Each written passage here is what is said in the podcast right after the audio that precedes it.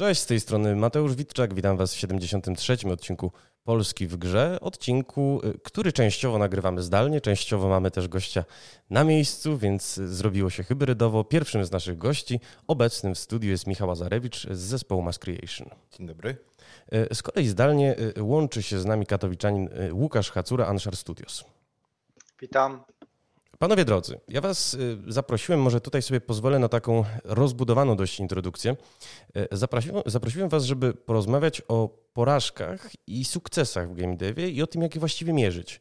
E, na wstępie zaznaczę, że jako polski game dev, jak chyba każdy portal, staramy się trochę tę branżę kwantyfikować. Często różne raporty, jak e, chociażby raport Spidoru, nam się zdarzało już w naszej działalności prześwietlać i rozliczać krytycznie. E, no i bezpośrednim zapalnikiem naszej dyskusji jest tak naprawdę powoływanie się na pewną daną, mam tutaj na myśli SteamDB. Obaj wydaliście y, całkiem niedawno gry. Michał już trochę, y, trochę y, minęło od premiery, mam na myśli Shinga. Łukasz dopiero co zwodował Game Decka. No i w naszych newsach przywoływaliśmy te statystyki SteamDB, które mają estymować, brzydkie słówko, początkowe zainteresowanie. E, jeżeli chodzi o Game Decka, no to e, pik na e, Steamie wyniósł rzekomo 380 graczy. Jeżeli chodzi o Shinga, to w początkowym momencie od premiery graczu, graczy 17. Obaj zaprotestowaliście, twierdząc, że właściwie te dane nie są miarodajne. No i chciałem zapytać, dlaczego? Łukasz, chcesz pierwszy? To znaczy, y, tu nie chodzi o to, że czy, czy, czy te dane są. Pytanie jest, co te dane mierzą, tak? Bo czy, czy one są niemiarodajne na zasadzie, ile graczy w danej momencie gra w Game Decka, to oczywiście nie, nie neguję, czy te dane są miarodajne, czy nie. Tak? To, to oczywiście, że są miarodajne. Natomiast pytanie jest to, pytanie zostało bardziej postawione ta, ta drama, powiedzmy, która się na, na, na, na, na Twitterze wytworzyła, ona nie jest, nie jest tylko związana absolutnie z Tobą, Mateusz, tylko jakimś cudem zostaliśmy wciągnięci też w jakieś tam dyskusje, e, powiedzmy, inwestorów, którzy e, interesują się rynkiem growym. I jest na zasadzie, że o, jak to tak, że, że, że, że Gas Station Simulator się, się tak ładnie sprzedaje, a, a, a Game Deck będąc RPG-iem i yy, się, się sprzedaje gorzej, tak? No i to przeciwko czemu jak gdyby my protestujemy, to twierdzenie, że e, bo znowuż Gas Station Simulator się sprzedał obiektywnie w punktu widzenia sprzedanych kopii sprzedał się wielokrotnie więcej. 105 tak? tysięcy ostatnie dane mówią, tak. I teraz, e, I teraz kwestia jest taka, że no teraz pytanie, jaka jest strategia danego studia i co dane studio daną grą chciało osiągnąć, tak? I jak gdyby ten, ten, ten sukces, w ogóle porównywanie się tutaj jest praktycznie niemożliwe, tak? Ja nie mam pojęcia, jaka jest długoterminowa strategia Drago. E, trochę lepiej rozumiem, jaka jest długoterminowa strategia Movie Games, natomiast nie wiem, jaka jest e, długoterminowa strategia Drago. E, z tego, co mówią publicznie, są bardzo zadowoleni, w sensie, że ich cele zostały spełnione, tak? Jak gdyby serdecznie gratulacje i chwała dla nich, nie? E, nikt tego nie chce zanegować, broń Panie Boże. Natomiast teraz też pytanie, co chciało premierą Game Decka osiągnąć Ansher Studios. Przede wszystkim dla Ansharu to jest ogromna tranzycja bo Anshar kilka lat temu próbował swoich sił w Indie VR-ach, gdzie, ja gdzie tak, poszło. Tak. Gdzie poszło w, w, za pierwszym razem średnio, ale, ale powiedzmy jeszcze jakoś z sensem, tak? Detach jest projektem, który się generalnie zwrócił. Natomiast już z Telefragiem poszło dużo gorzej i, i, i potem wycofaliśmy się generalnie rzecz biorąc z VR-a, tak? I, I Anshar Studios jest głównie znany z tego, że robi gry ze współpracy z innymi studiami na zlecenie, jest firmą Work for Hire. No i my, my, akurat nie ogłaszamy takich rzeczy specjalnie publicznie, bo nie jesteśmy, nie jesteśmy spółką publiczną, natomiast jakiś tam branding naokoło siebie robimy, że, że zrobiliśmy tą, że jesteśmy w trakcie tej tranzycji z indie dewelopera, który robi rzeczy Work for Hire z dużymi partnerami. Robimy tą tranzycję na e, na AA RPG dewelopera, tak? gdzie Game Deck miał być tym pierwszym krokiem, jakby tym, tym pierwszym stepem, który z wielu, który nas po pierwsze zwaliduje jako firmę, która jest w stanie dowieść RPG od A do Z, bo to jest zupełnie co innego zrobić RPG od A do Z, a co innego jest, nie wiem, robić DLC-ki dla, dla Lariana, czy, czy, czy, czy do Divinity, czy pomagać programistycznie przy Baldur's Gate 3, tak? To, to są bardzo fajne IP-ki, to bardzo fajnie brzmi, że Ansher Studios pracował przy takich dużych tytułach, natomiast zupełnie inna para kaloszy to jest zrobienie gry do Z. To jest dokładnie na takiej samej zasadzie jak kilka lat temu początek tej drogi miało Full Theory wydając Seven Days Long Gone, tak? No i teraz robią kolejnego RPG z, z, z 11-bit Studios i jestem święcie przekonany, że będzie to lepszy RPG od ich poprzedniego RPG, bo to generalnie tak działa, jeżeli ktoś jest konsekwentny w swoim działaniu. Więc tak jak napisałem na Twitterze, to jest maraton, a nie sprint. I Game Deck odhaczył bardzo dużo punktów, które chcieliśmy osiągnąć. Tak? Chcieliśmy mieć niebiesko na Steamie. Chcieliśmy mieć siódemkę z przodu na Metacriticu. To jest ciasno strasznie, ale walczymy, żeby tą ocenę jeszcze podwyższyć, bo w tej chwili jest dokładnie 70. No ale na razie ten KPI jest spełniony. Y, Łukasz, mogę ci wejść w e, słowo na chwileczkę, bo jest tutaj parę jasne. wątków i zaraz się boję, że mi uciekną. To znaczy, jasne, że korzystanie z tych danych z TeamDB ma swoje wady, chociażby dlatego, że zupełnie inny jest próg wejścia GameDecka, a zupełnie inny jest próg wejścia Gas Station Simulatora. To znaczy, wyobrażam sobie, że do symulatora mogę sobie wejść bez żadnego przygotowania, spędzić przy tej grze 15 minut, super się bawić, wyłączyć. Do GameDecka akurat teraz gram, więc mam trochę porównanie. Wiem, że po prostu no, sesja musi trwać przynajmniej godzinę, bo inaczej po prostu nie złapię tego kawałka gry, tego jak wspomniałeś, no, rozbudowanego, bazującego na tekście RPG, gdyż po prostu potrzebuje uważności, potrzebuje czasu. Zdaję też sobie sprawę, że trochę inaczej, y, innymi regułami rządzą się early accessy, różne gatunki, y, więc no, to porównywanie nie jest idealne. Natomiast daje nam pewien, y, no, pozwala nam w jakiś sposób skwantyfikować sprzedaż, podobnie jak liczba ocen na Steamie, a w przypadku y, Game Decka jasne oczywiście, że y, to jest duży projekt. Robiliście go 4 lata. Jasne też, że macie też różne y, poduszki, różne spadochrony i bardzo szeroko prowadzicie działalność. No jak wspomniałeś, wspomniałeś jesteście bardzo dobrzy w external developmentie, zaufał wam między innymi Larian. Natomiast nie jest tajemnicą, że jest to gra tworzona przez 4 lata, y, która plotkowało się w branży, że w premierowej cenie musi sprzedać około 200 tysięcy egzemplarzy, żeby wyjść na czysto. Dlatego właśnie wydawało mi się, że całkiem zasadnym jest napisanie o tym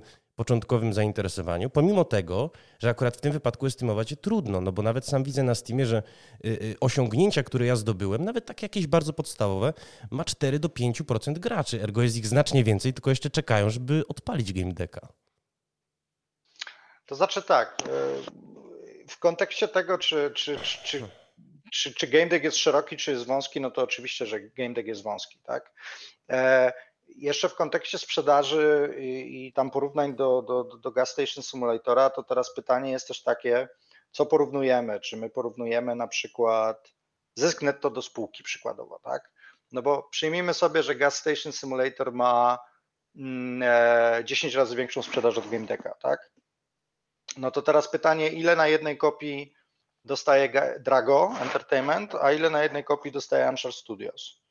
No bo tu już jest, y, tu już się zmienia ta dynamika, bo zamiast 10 do 1, to nagle się okazuje, że ta różnica jest już 2 do 1 w zysku netto, nie? Znaczy w przychodzie netto do, do spółki. Y, natomiast ja generalnie rzecz biorąc jestem sceptyczny, jeżeli chodzi o w ogóle porównywanie się do innych, tak? Albo, a już na pewno nie jest tak drastycznej grupy docelowej. E, to już, nie wiem, porównanie nas do na przykład niedawno z Early Accessa wyszedł Encased, tak? Mhm. E, no to, to, to, to już jest znacznie bliżej. Dalej, inna gra, ale jest znacznie bliżej. Porównywanie nas do, nie wiem, do Disco Elysium, które było slow starterem, które sprzedało w pierwszy dzień e, no pięć razy więcej kopii od nas, tak? Mhm co, co jak na skalę sukcesu, cztery razy, przepraszam, cztery razy więcej, co jak na skalę sukcesu Disco Elysium w Longtailu i w Longranie, tak, no to ja bym chętnie przyjął w Longranie cztery razy mniejszą sprzedaż od Disco Elysium, nie? E, które sprzedało ponad milion kopii. Więc generalnie rzecz, o, oczywiście across all platforms, bo to jest też ważne, tak. bo to nie jest tylko Steam. U nas bardzo ładnie poszedł GOG i mało tego, to, że to, że GOG poszedł tak dobrze, sugeruje mi, że nie powiedzieliśmy, bo nie powinien pójść tak dobrze, e, sugeruje mi, że nie powiedzieliśmy ostatniego słowa na Steamie, tak? E, w kontekście potem pracowania nad e, konwersją wishlisty, czy to na, na kolejnych jakichś eventach, czy, czy wyprzedażach. Być może to jest kwestia przykrycia nas jakimiś tam deflupami, pathfinderami, innymi tego typu tytułami i, i może jeszcze nas user Steamowy nie dostrzegł, bo no nie powinno być tak, że 20% naszej sprzedaży w tej chwili to jest GOG, tak? To są dane za dobre dla GOGa. A ile zazwyczaj to jest procent? ze znajomymi. Przepraszam? Ile zazwyczaj, jeżeli macie takie dane, panowie, ile to jest zazwyczaj procent? Bo rzeczywiście. 5 y, do 10. 5 do 10. E, tak, to znaczy 10%, jeżeli myśmy liczyli 10%, bo RPG. E, gdyby to nie był RPG, czyli ten taki powiedzmy korowy user Goga, tak, to bym powiedział, że 5%. No, e, Natomiast jakoś nawet mniej. No bo my jesteśmy, my jesteśmy wiesz, grą arcade, nie? Więc na Gogu powiedzmy, że to nie ten target dokładnie. E, e, ja w ogóle no. pozwolę sobie na chwileczkę przerwać w takim razie e, Łukaszowi i Michał. Wróćmy do tematu Shinka. Będziemy tak trochę procedować te dwie opowieści obok siebie. No bo ja też pisałem i opublikowaliśmy na polskim Game Devie takiego dość zaczepnego tak naprawdę newsa, bo pamiętam jego tytuł Shink debiutuje i to nie na listach sprzedaży. No dysponowaliśmy jedną listą, czyli właśnie Steamem. Ty no wtedy... i oparliście mhm. się na tym, co bo ja chciałem jakby nawiązać też e, do jednej rzeczy. Każdy przypadek jest osobny i tak jak Łukasz powiedział, że porównywanie się e, powiedzmy do siebie tak, tak szeroko jest totalnie, no, trochę, trochę nie. Chodzi mi o to, że, przepraszam, chodzi mi o to, że wiesz, Shink jest grą konsolową. Ona od początku była grą konsolową jakby, przepraszam, nie macie danych z konsol. No nie. No więc miałem prawo jakby skomentować to w taki sposób, że to nie jest jakby miarodajne to, co napisaliście. I już abstrahując od tego, że nie jesteśmy na giełdzie i w ogóle jakby mm, patrzymy na to trochę inaczej, mhm. jako, jako wiesz, jako firma, jako zespół, no to ym, no po prostu, wiesz, to był jakby moja reakcja na to, co, co zostało napisane, bo wydaje mi się, że nie chcę powiedzieć, że nie możecie pisać, ale na, zapytaj. Mhm. Jeżeli mogę, to się podzielę i jakby postaram się przedstawić, wiesz, przynajmniej ja tak mam, postaram się przedstawić jakiś bardziej pełniejszy obraz. Może nie podam ci danych, ale powiem ci, słuchaj, to, że na PC jest tak, ale na konsolach jest super. Mhm. Gra, wiesz, 5, 10, 15 razy więcej graczy, 100 razy więcej graczy, bo to jest gra zaprojektowana na konsolę, rozumiesz? I tak samo jak Gas y, Station Simulator jest grą stricte PC-ową, więc super, bo możecie sprawdzić, y, znaczy dane są jakby, powiedzmy, że są dostępne i można to sprawdzić przez Steam, y, Steam Chartsy, Steam DB i tak dalej. To, co Łukasz powiedział, z Goga już nie macie danych, nagle jest niespodzianka, okazuje się, że na Gogu jest super. Wiesz o co chodzi? To... Wiem o co ja chodzi. Wiem, że to jest bardzo ciężko nie mając pełnych danych, e, ferować jakiegokolwiek wyroku. To jest zrozumiałe. Ale z drugiej strony, ja się ostatnio czepiłem się trochę tego, że jakby tonu. W sensie, czepiłem się tonu. Na Steamie jest, nie wiem, średnio mhm. porażka. Sorry, ale ja tak odbieram, że mhm. tony tych newsów są trochę w ten sposób. Jest na zasadzie, w pierwszy dzień sprzedało się x kopii, gra 200 tysięcy graczy, mamy sukces. Okej, okay, mamy sukces, ale dla powiedzmy małej firmy, my jesteśmy małą firmą. 200 graczy, spoko, w pierwszy dzień luzik. My, mhm. mamy, mamy, mamy strategię, o i to jest kolejna rzecz, my mamy strategię długiego ogona. Jakby premiera, ok, poszła, fajnie, zrobiliśmy sobie imprezę i wiesz, y, oblaliśmy wydanie gry i wtedy dopiero się zaczynała praca. Wiesz, zarabianie pieniędzy i sprzedaż gry. To jest w ogóle bardzo ciekawy wątek, bo ja pamiętam, że wy na jakimś etapie, no właściwie już po wydaniu Shinga, wprowadziliście to klasycyzujące sterowanie i bardzo mnie zastanawia po wydaniu już builda, po wrzuceniu go na wszystkie platformy sprzedażowe, na jakich chcecie, chcecie go sprzedawać, co właściwie deweloper może zrobić, jak może pomóc sobie właśnie w zagwarantowaniu tego długiego ogona? E, no właśnie, wiesz, y, jakby słuchanie tego, co piszą gracze nie do końca wszystkim siadło to sterowanie. My wiedzieliśmy, że ono będzie bardzo polaryzować, albo będzie się kochać, albo będzie się nienawidzić.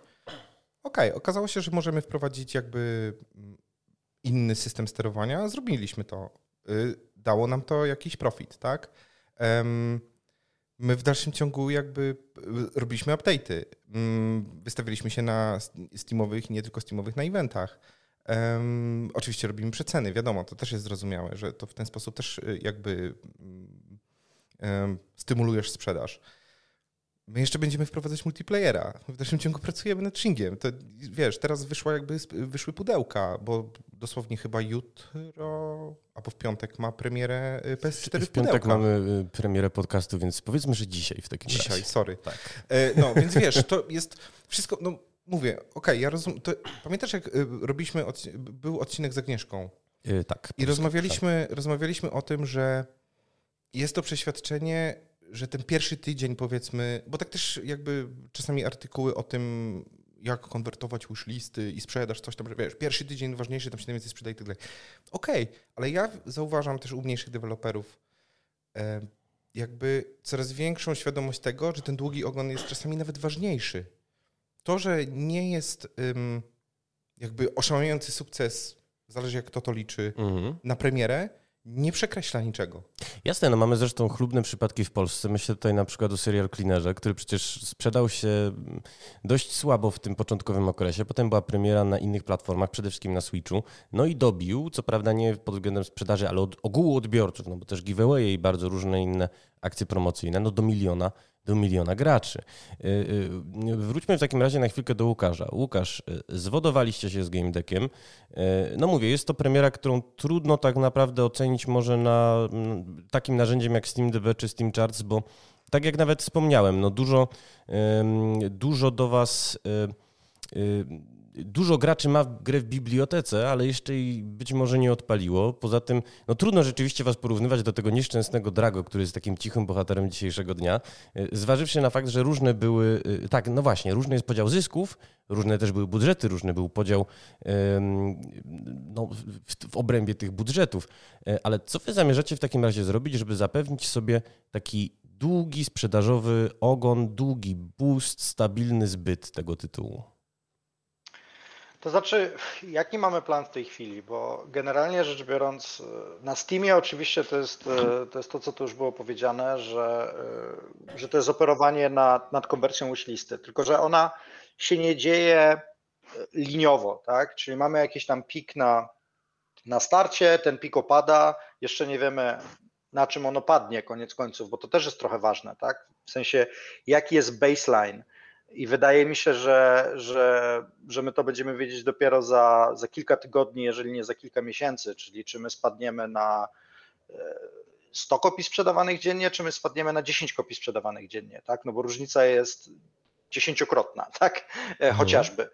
E, I to ma ogromny wpływ, jaki jest baseline. A potem od tego baseline'a każdy event, czy to jest Halloween, czy to jest e, Winter Sale, czy to jest e, Autumn Sale, czy to są jakieś targi, e, kiedyś, czy to są weekly sale, to jest praca nad konwersją, nad wishlistą. My akurat mamy, przynajmniej na razie tak czujemy, że mamy taki tytuł, którego przez no, dosyć spory czas będziemy patrzeć właśnie, jak się będą rzeczy działy z tą wishlistą. Nie będziemy go jakoś tam specjalnie przeceniać mocno tylko bardziej będziemy szli w kierunku w, brania udziału w tych wszystkich eventach, e, bundli z, e, z innymi deweloperami z podobnego segmentu. No bo z kolei z punktu widzenia wishlisty, to mimo konwersji wishlisty tam na luncha, która zawsze jakaś tam jest, no to mamy praktycznie no, prawie plus 100% do wishlisty, tak? Czyli jakby ta baza i teraz pytanie, czy to są ludzie, którzy, tego nie wiemy, prawda? Czy to są ludzie, którzy nie mają teraz czasu, bo grają w Pathfindera? Czy to są ludzie, którzy stwierdzają, a to jest RPG, RPG są zawsze zepsute i spakowane na starcie, poczekam na pacze albo poczekam na RPG. jakiś tam Sami się prosiliście o kłopoty. E, czy, czy to są ludzie, którzy czekają na jakieś większe przeceny, tak? Na zasadzie no preorders, no full prices, nie? Tego nie wiemy. Będziemy się uczyć tego naszego usera. E, I, e, i, i to będzie praca na, na Steamie, tak? No, oprócz tego jest praca na e, praca na Gogu, bo, bo ewidentnie jest tam nasz user. Epic No Epic akurat z tych trzech storów to jest mocno poniżej oczekiwań. E, w tych naszych initial estymatach Epic był, był, był nawet trochę wyżej niż, niż GOG, a jest nieporównywalnie niżej więc e, jednak Epic Store bez, bez dużego takiego exposure na duże IP, to, to widać dla Indyka jest, znaczy nie wiem, może my jesteśmy specyficznym projektem, ale wydaje się być to ciężki kawałek chleba, e, w sensie nie, nie jest on absolutnie żadnym tam majority e, ważnym skrawkiem tego, te, tej sprzedaży w tej chwili.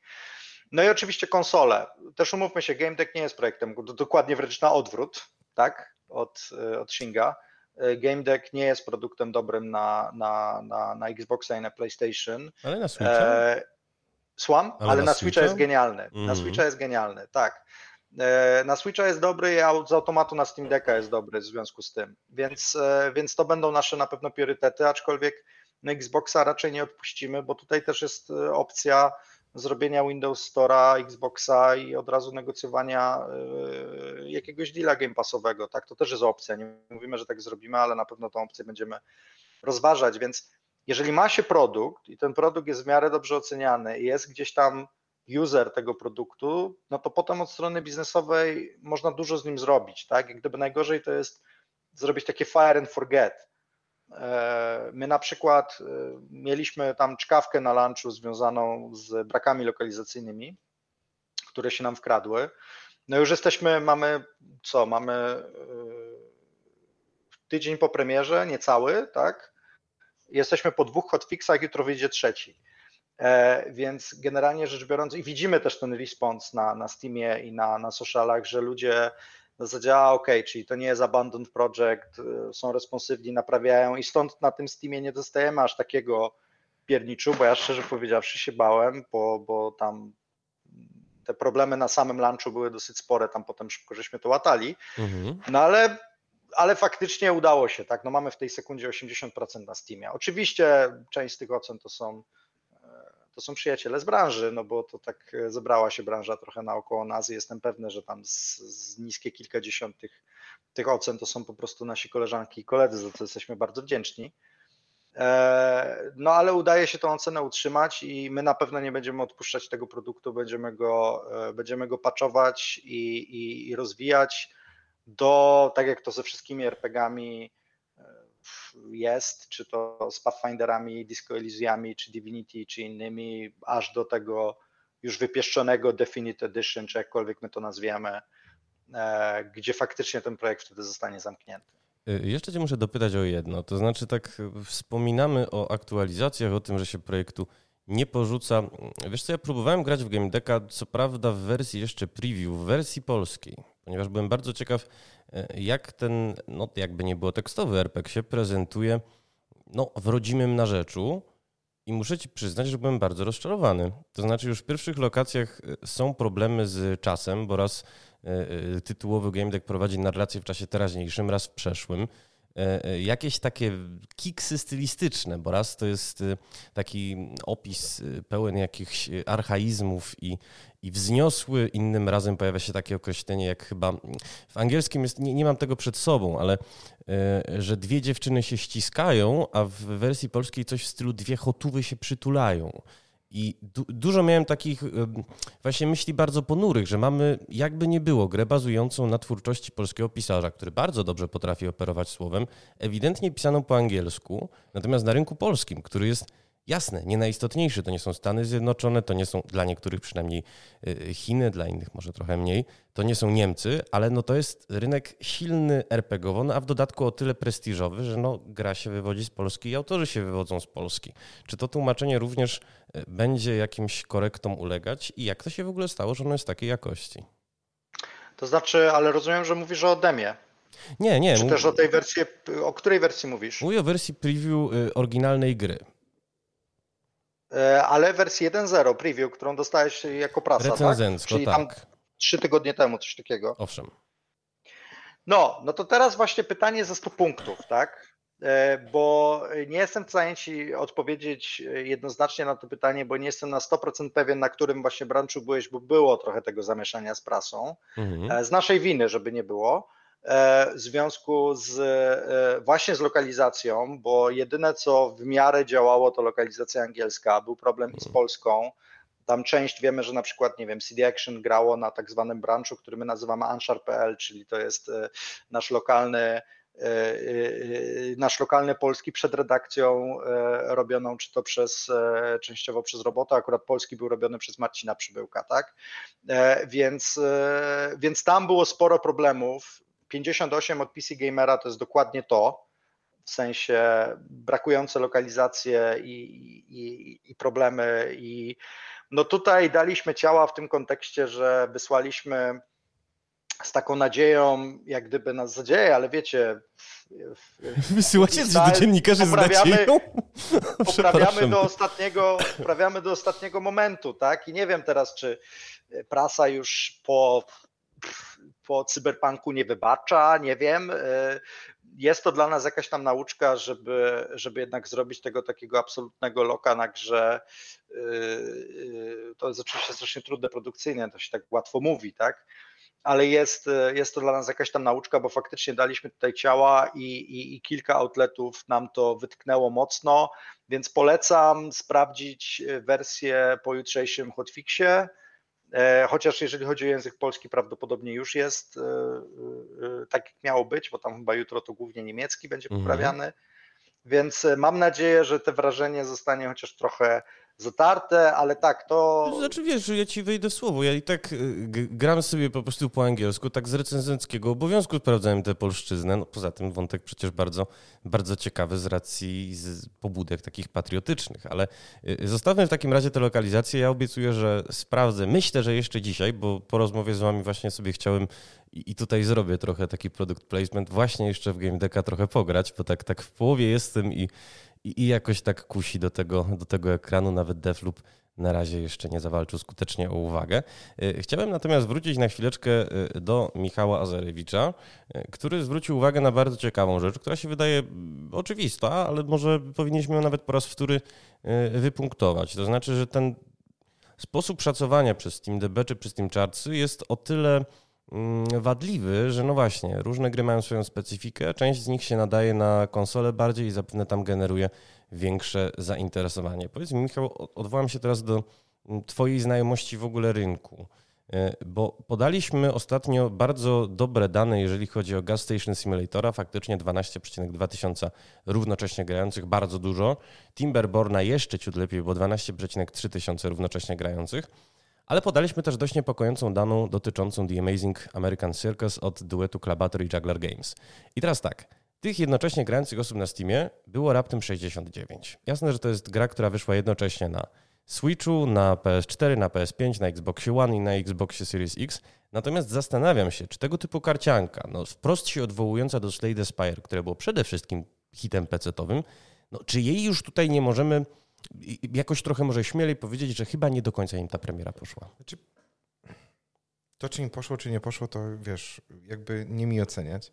Um, oczywiście, i, ale ja się z Tobą zgodzę, dlatego to jest też to, co powiedziałem, że jakby niestety każdy, każdą grę trzeba rozpatrywać, um, wiesz, na milion jakby sposobów jakie platformy, jaki to jest typ gry, czy tu, czy będzie lepiej, będzie więcej graczy powiedzmy na tej platformie, czy na innej platformie i tak dalej, i tak dalej. Mm, no, ale co z tego, co patrzyłem ostatnio, to ten, e, ten tytuł Klabatera chyba się tam rozkręca powoli. Przynajmniej takie mam wrażenie, bo też byłem zaskoczony moją ilością recenzji mhm. E, na premierę. Nie wiem, co tam się stało. Ale użytkowników czy prasy? E, prasy. Prasy. E, sprawdzałem sobie też i w ogóle tak jakby przeszło to troszkę bez echa, ale ostatnio już widziałem coraz więcej się tam pojawia, więc, więc chyba, chyba do przodu. Hmm. Wiesz co, nie, ja nie będę oceniał, bo też y, chłopaków z Jugglera bardzo lubię. Wiesz, jak ja wydawałem Steel Rację, to oni wydawali My Memory of Us mniej więcej w tym samym czasie, więc tam się spotykaliśmy często, na targach chociażby. Um, każdy tytuł jest inny. Gas Station Simulator jest grą PC-ową, Game Deck jest RPG-iem PC-owym stricte, więc jakby tutaj jest łatwiej, mhm. tak powiem trochę, nie?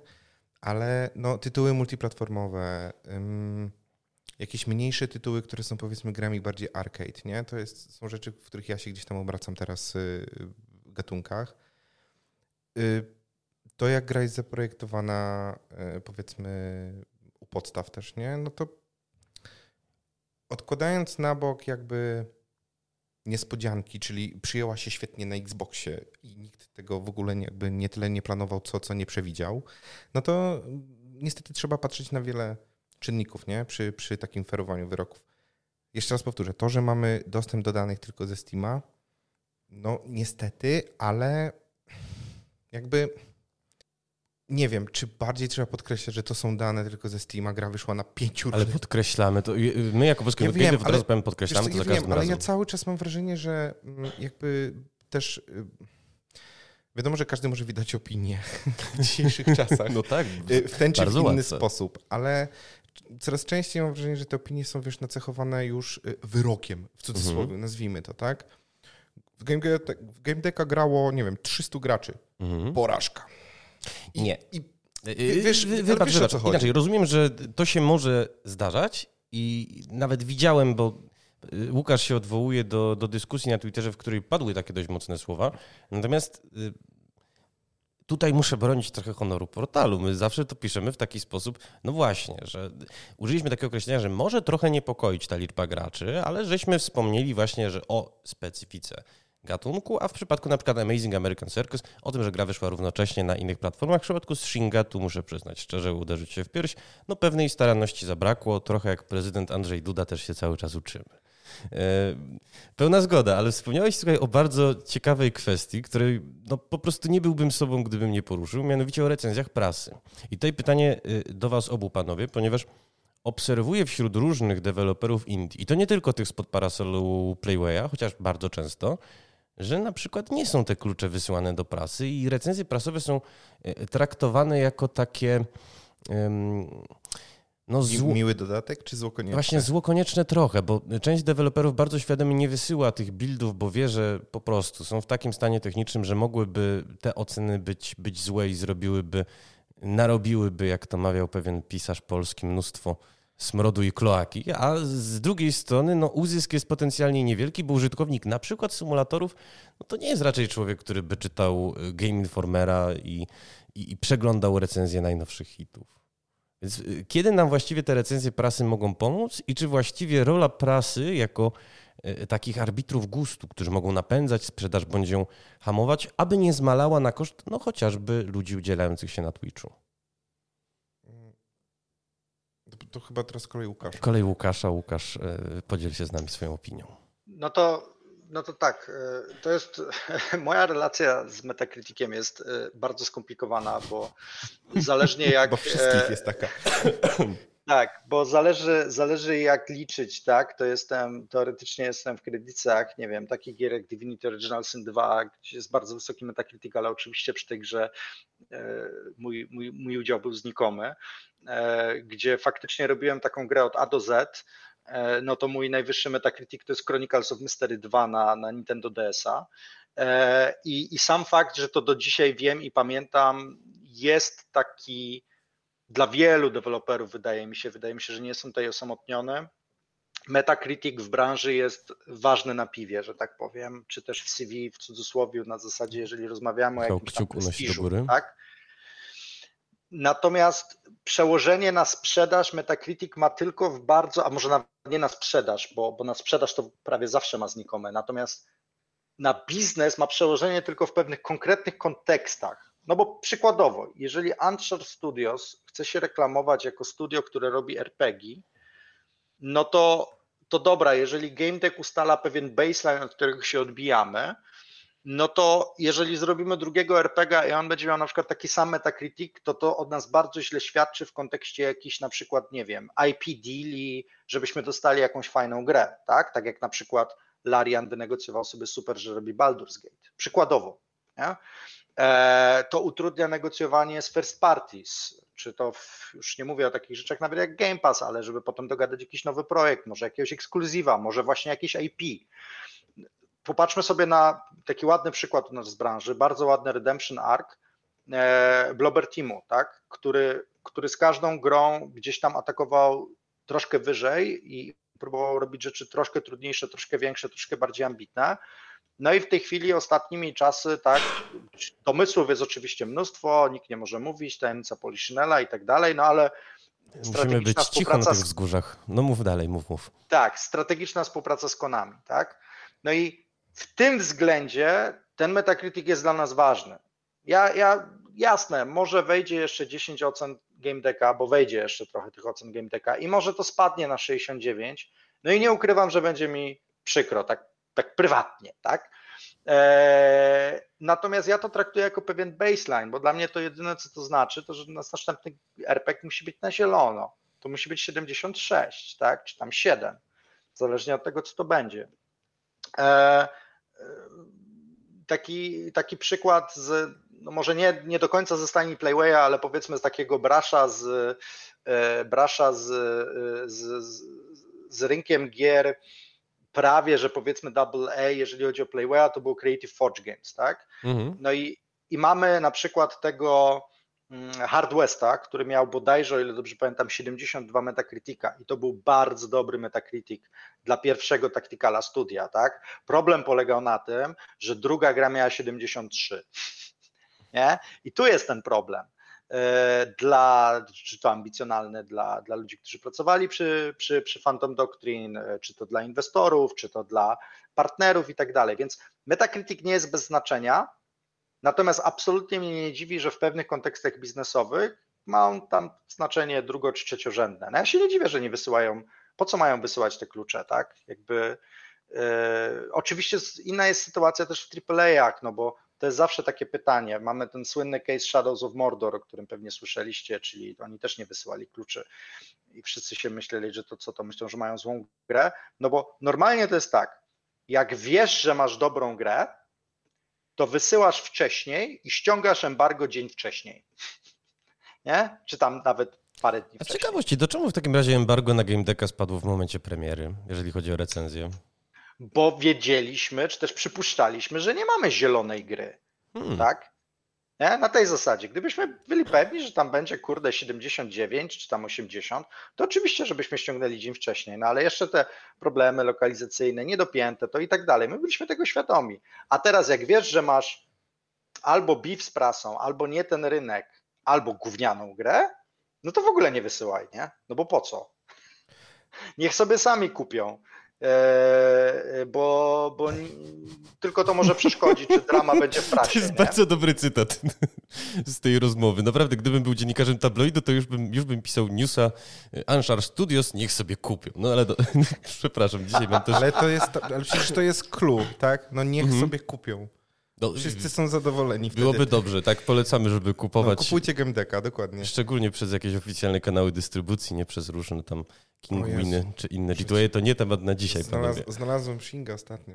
A dobra, to nie. Yy, ale nie podsumowując w takim razie, yy, wypowiedź szybciutko. To tylko... Chciałem wrócić jeszcze do Twojego pytania. Ale no właśnie. jest jeszcze jedna rzecz. Chciałem się dopytać, tylko chciałem szybciutko też podsumować wypowiedź Łukasza, bo mi się to wydaje ważne, bo bardzo często słyszę opinie o tym, które mnie po prostu we mnie godzą jako przedstawiciela prasy, że te recenzje nic nie ważą, a z tego co, e, co mówi, no to rzeczywiście mogą i promocyjno, e, reklamowo pomóc i zwiększyć świadomość studia i tytułu, jeżeli chodzi o graczy, ale też graczy biznesowych. Przepraszam, już się nie wcinam. Michał Lazarewicz, panie i panowie. E, wiesz co, bo już, akurat jeśli chodzi o Playwaya, to tam jeszcze trzeba wziąć jedną rzecz pod uwagę. Po co wysyłać klucze do graczy, jakby przy, nazwijmy to średni, średnim symulatorze, jeśli możemy nawet robić takie rozróżnienia, jeżeli mamy bazę gotową. Tak. Mamy gotową bazę, robimy cross-promocję na samym Steamie, kolejny symulator taki inny. Ich bazą graczy są ludzie, którzy grają w symulatory. I oni nie będą czytać recenzji. Kolejny symulator, jedziemy, yy, wiesz, let's go. Tak, po prostu... Simulator chyba z czterema no, innymi grami w Bundu zadebiutował. Ale wie, wiesz, to jest jakby strategia biznesowa, która się sprawdza. Więc mhm. tutaj w tym przypadku akurat um, te recenzje nie odgrywają żadnego bądź marginalne znaczenie. Mhm. No ale jakby to jest y, taki gatunek, nie? Więc y, ja się też zgodzę z Łukaszem, że, że Metacritic jest spoko, jeśli chcesz pokazać, nie wiem, rozwój studia, dobić deala, dogadać się z kimś i tak dalej. E, no ale wiesz, mamy jeszcze user score, nie? Jednak. Jak bardzo wadliwy nie byłby to system, bo ma swoje jakby plusy i minusy, no to ja osobiście bardziej patrzę na user score. I to jest klucz, słuchajcie, do kolejnego wątku, bo chciałem was koniecznie o to zapytać, bo słuchają nas nie tylko devowie, nie tylko bizdevowie, y, ale też zwykli w cudzysłowie gracze, zwykli gracze w cudzysłowie, nie, bardzo nie lubię określenia, y, i gracze giełdowi. No i powiedzcie mi, do czego się przydaje ten y, dobry Steamowy user score, jak może grze pomóc dobry, a jak może zły przeszkodzić?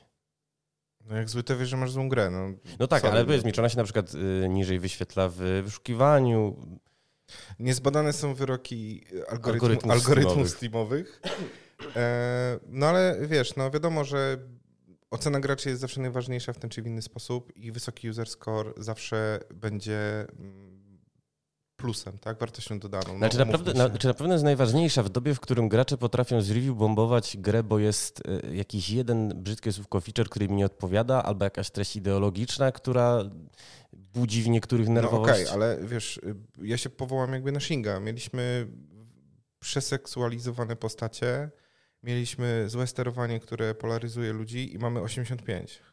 Więc, a na mecie mamy chyba 7, 7-8, wydaje mi się, mhm. a nawet 8 chyba, 8-1 chyba na PlayStation, coś takiego. Gdzie przy oceny, powiedzmy, oceny y, prasy są no średnie, tak? Po mhm. prostu, no to nie ma się co szukiwać. I, a nie ma tam ani żadnego review, wiadomo, nie ta skala, ale nie ma review bombingu, nie ma niczego. E, są oceny, ja uważam na tyle, na ile mogę popatrzeć, wiesz, uczciwe, przynajmniej na Steamie. Podoba mi się gra, jest spoko, nie? Ale z drugiej strony, wiesz, no nie podoba mi, nie podoba mi się to, nie podoba mi się, nie podoba mi się tamto. Co ciekawe, mm, jak nawiązałeś do tego sterowania. Mhm. My mieliśmy jakby bardzo dużo negatywnych ocen na Steamie ze względu na jedno sterowanie. Dodaliśmy drugie sterowanie wystosowaliśmy informacje, wiesz, do graczy, ocena nam wzrosła. Mhm. Bo y, w ogóle, wiesz, ludzie wrócili i powiedzieli, o spoko, dodali nam sterowanie, super, słuchają, wiesz, graczy i tak dalej. Więc to ma wpływ, bo to też kontaktujesz się z graczami, jakby odpowiadasz na ich potrzeby. Też wizerunkowo dobrze robi. Y, przechodząc, bo mam jeszcze jedno narzędzie y, analityczne, nie wiem czy wziąć narzędzie w cudzysłów, czy analityczne w cudzysłów, czy oba te słowa, o którym chciałem z Wami troszeczkę podyskutować, mianowicie Steam Spy'a. I tutaj w ramach anegdoty mam dwie anegdoty. Pierwsza jest związana z mm, DevTrashem, którego to deweloper się niedawno właśnie powołując na statystyki Steam Spy'a stwierdził, że rzekomo sprzedał 1 do 2 milionów egzemplarzy. Gdyby miał konto i się zalogował, to by się dowiedział, że e, w systemie rzekomo to jest 1,1 miliona sztuk. Tak w istocie nie było. Sam powiedział na Twitterze, że sprzedało się 45 tysięcy. A mamy też przykład z rodzimego poletka. Myślę tutaj o e, e, Cyberpunku 2077. Zacytuję wam autentycznego newsa, którego to newsman spłodził w oparciu właśnie o Steam Spy'a. Sprzedaż Cyberpunk 2077 to jakiś kosmos, gra bije kolejne rekordy na Steam. Już machnijmy ręką na odmienione nazwy własne, żeby SEO lepiej zażarło. Brzydkie, brzydkie. Natomiast według Steam Spy'a 12 dni po premierze na samym Steamie Cyberpunk miał 15, y, 15 y, milionów nabywców. W rzeczywistości, jak się dowiedzieliśmy no, parę tygodni później, to było 13,7 milionów na wszystkich platformach, z czego PC to było 56%, a poza Steamem przecież GOG, na którym na pewno gra super rezonowała, no bo, no bo platforma CD Projektu, no i między innymi Epic Games y, Store. Ze Steam Spy'em jest ten problem właściwie, z tego co słyszę po różnych kolegach i koleżankach z devu, że o ile jeszcze 3 e, lata temu on estymował całkiem poprawnie, no bo e, miał po prostu dostęp do danych Steama, e, w kwietniu 2018 Valve pod pozorem aktualizacji polityki prywatności odcięło w ogóle serwis od tego typu danych. On niby powrócił dwa tygodnie później, natomiast już nie bazuje na tych danych użytkowników, tylko wykorzystuje, jak to pan założyciel mówił, uczenie maszynowe, by dowiedzieć się na podstawie przypadkowych danych o, o tej sprzedaży. Czy Steam Spy w takim razie jest w 2021 w ogóle dobrym narzędziem, żeby przesądzać o sukcesie gry? Nawet jeżeli to jest powiedzmy nawet symulator, który rzeczywiście wyszedł tylko na Steamie, to jest jego platforma sprzedażowa. Znaczy moim zdaniem jest y, aktualnie jest useless narzędziem.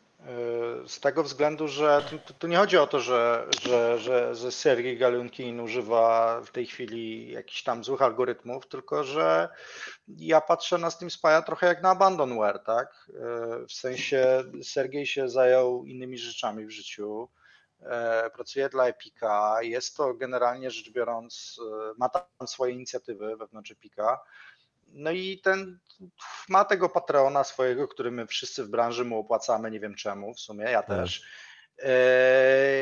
Natomiast jest, Steam jest narzędziem żywym, które cały czas, tak jak tutaj było mówione, niezbadane są jego wyroki i cały czas modyfikują, te algorytmy zmieniają. Kiedyś na przykład był taki dobry rule of thumb, że gra sprzedała mniej więcej 80 razy tyle, ile ma review score, tak?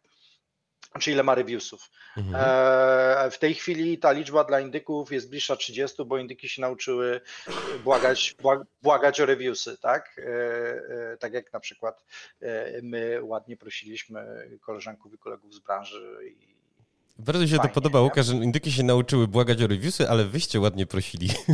No, no i teraz o co, o co chodzi? Chodzi po prostu o to, że te dane są bardzo mocno zabrudzone w tej chwili ze Steam Spy'a i moim zdaniem ono no, bez jakiegoś dodatkowego punktu zahaczenia, że chociaż nie wiem, spójrzmy na te Steam Reviewsy, spójrzmy na może jakiś raport skądś tam, na, na Steam Charty, to może jeżeli to cross-referencujemy tam z trzema innymi jakimiś tam punktami danych, to może to być jakiś tam punkt odniesienia, no ale generalnie z, dużym, z dużą dozą sceptycyzmu bym, bym do Steam Spy'a w tej chwili podchodził, bo, bo po prostu mm, e, wydaje mi się, że, że, że twórca już nie nadąża, czy też serca nie ma do tego, żeby nadążać za tym, jak się algorytmy Steama i rynek zmienia. Pracuje dla konkurencji, więc Michał Azarewicz, bo ty dużo y, y, kiwałeś głową, ale masz, może masz coś do dodania. Ja mam jedną anegdotę. Dawaj. Żadna estymacja Steam Spy ani Steam Chartsa nie pokrywa się z Shingiem. Żadna. Żadna. Więc te dane, znaczy ja wiem, że to może być wyjątek potwierdzający regułę. Mhm. Jakkolwiek, co ciekawe, um, miałem wczor dosłownie wczoraj rozmowę na temat Hamster Maze'a, czyli naszej nowej gry, którą wypuszczamy tam pod szyldem WD Games. Odnośnie wishlist. I oczywiście jest też e, drugi magiczny wzór, czyli patrzysz na followersów na Steamie i tak dalej, i tak dalej. E, to też w ogóle jakby nie przykłada się... Znaczy osoba próbowała e, wyestymować, ile mamy już w tej chwili, po tam chyba tygodniu od revealu mamy wishlist. Przestrzelone okrutnie na minus, w sensie w dół, więc nie wiem, czy to jest tak, że jesteśmy jakąś anomalią, że nic nam się dosłownie nie pokrywa, wiesz, z tymi dostępnymi e, danymi. Mm, czy to już może jakby coś sugeruje, że, że te dane są, wiesz. No poza tym nie pamiętam, czy to jest na Steam Charcie, czy na Steam Spy'u. Na przykład ilość kopii sprzedanych to też jest, tam jest taka kosmiczna rozpiętość czasami podana. Względem... Są widełki, tylko jak masz, jesteś zalogowany, to podaje ci taką uśrednioną wartość, która niby jest najbardziej wiarygodna. Z tego, co słyszałem, ona się robi trochę wiarygodniejsza, ale... Z czasem. Z czasem. No tak, no, no właśnie. Więc no, wracamy do clue. Sprawdzanie tego po, nie wiem, 24 godzinach od premiery totalnie nie ma sensu. No mówię, o czym się dowiedzieli chociażby ci nasi nieszczęści, nieszczęśni dziennikarze, kiedy sprawdzali zbyt cyberpunka i potem byli bardzo zdziwieni, że on jest znacznie mniejszy. Znaczy ja osobiście uważam, że mm, jakby wszystkie spółki, wracamy do tej nieszczęsnej giełdy, na, na, na sekundę tylko. Jasne. E, wszyscy gracze na giełdzie, o tak bym to nazwał, powinni po prostu poczekać na oficjalne dane e, spółek, spółek giełdowych. E, ferowanie wyroków jakby wcześniej jest w stosunku do spółek, które nie są na giełdzie, nie muszą, de facto nie muszą nic, mhm. wiesz, jakby podawać. Momentami wywołuje bardzo szeroki uśmiech jakby politowania na mojej twarzy, jak sobie czytam co po niektóre komentarze. I bardzo, ale bardzo muszę wszystkim podziękować, bo nauczyłem się w ten sposób nie komentować, bo spędzałbym więcej czasu na Twitterze, jakby prostując co po niektóre rzeczy. E, no, więc, więc jakby do tego, do tego zmierzam, tak? Spółki giełdowe opublikują po tam 72 godzinach, czy 24, czy to już tam bez różnicy. Mm, wydaje mi się, że to, co dzisiaj powiedzieliśmy, pokazuje, że nie do końca trzeba ufać E, tym wszystkim narzędziom, które mamy w sieci. Niestety deweloperzy wiedzą najlepiej, bo mają twarde dane mm, i to już jest jakby w gestii, czy się będą dzielić, czy nie. Wiecie co, no takie było trochę idea fix tego odcinka, żeby zwrócić uwagę, że to jest trochę bardziej skomplikowane niż się powszechnie uważa. I to jest taka smutna tak naprawdę konstatacja, bo możecie się ze mną nie zgodzić, ale chyba e, my, media, e, ale też odbiorcy, też, jak to powiedziałeś ładnie, gracze giełdowi, trochę jesteśmy z ręką w nocniku, jak chodzi właśnie o szacowanie sprzedaży i trochę trudno jest tak naprawdę określić, czy ta premiera była sukcesem, czy była porażką, czy w długim okresie się nie okaże sukcesem. Ale giełdowi, spółki, gield, spółki giełdowe muszą raportować. Powiedzą. Oczywiście, no, zresztą Playboy ma... Po prostu trzeba poczekać. E, Playboy ma chlubną praktykę raportowania co, co trzy, chyba trzy dni od debiutu. Ultimate Games też e, podaje zbyt jaki on by nie był. No, natomiast są, wbrew pozorom, nie wszystkie spółki, w, nie wszystkie studia tworzące gry w Polsce są spółkami giełdowymi. Raptem to jest jedna dziesiąta, tak przynajmniej wynika z raportu PARP-u i Game Industry Conference, chociaż już dosyć nieaktualnego, bo tam sprzed dwóch lat. No a tak powiem wam, żeby się chciało wiedzieć trochę, czy to, co tworzycie, rezonuje fajnie, czy się udało bardzo, czy się udało umiarkowanie, czy, czy może się nie udało i zapadła cisza. Y, y, ja mam, ja mam na końcu języka, ale to musielibyśmy kolejny odcinek o tym nagrać. Co to znaczy udało bardzo, udało trochę, albo się nie udało, wiesz, to też jest To jest super skomplikowane i właśnie widzisz, to, to jest kolejna warstwa, o której trochę już mówił Łukasz, że tak naprawdę trzeba by spojrzeć nie tylko na tę sprzedaż i to nie tylko sprzedaż na Steamie, którą możemy jako tako powiedzmy gdzieś tam estymować, ale też na konsolach. Trzeba by sprawdzić, y, jaki był budżet, E, trzeba by sprawdzić, jaki jest podział przychodów, e, jaka jest e, umowa wydawnicza podpisana. Tak naprawdę my tego wszystkiego nie wiemy, w związku z czym ja też sobie zdaję sprawę, że czasami pisanie w sposób bardzo jednoznaczny o tym, że coś się udało super albo się nie udało, w ogóle jest fe, nikt, nikt nie, nie tknął kijem, no to trochę się mija z celem, bo można więcej narobić problemów i to problemów, no właśnie, deweloperom, którzy przecież tę kulturę cyfrową, jaką znamy i kochamy, tworzą, niźli dostarczyć rzetelnej informacji. Bardzo Wam dziękuję, że mogliśmy na to dzisiaj zwrócić uwagę. Moimi gośćmi byli Michał Azarewicz, Mass Creation. Dziękuję bardzo oraz y, Łukasz Hacura, Answer Studios. Dziękuję bardzo. Y, a z kolei ja nazywam się Mateusz Witczak. Dziękuję Wam za y, uwagę i niniejszym w takim razie wracam do ogrywania Game Decka. Na razie.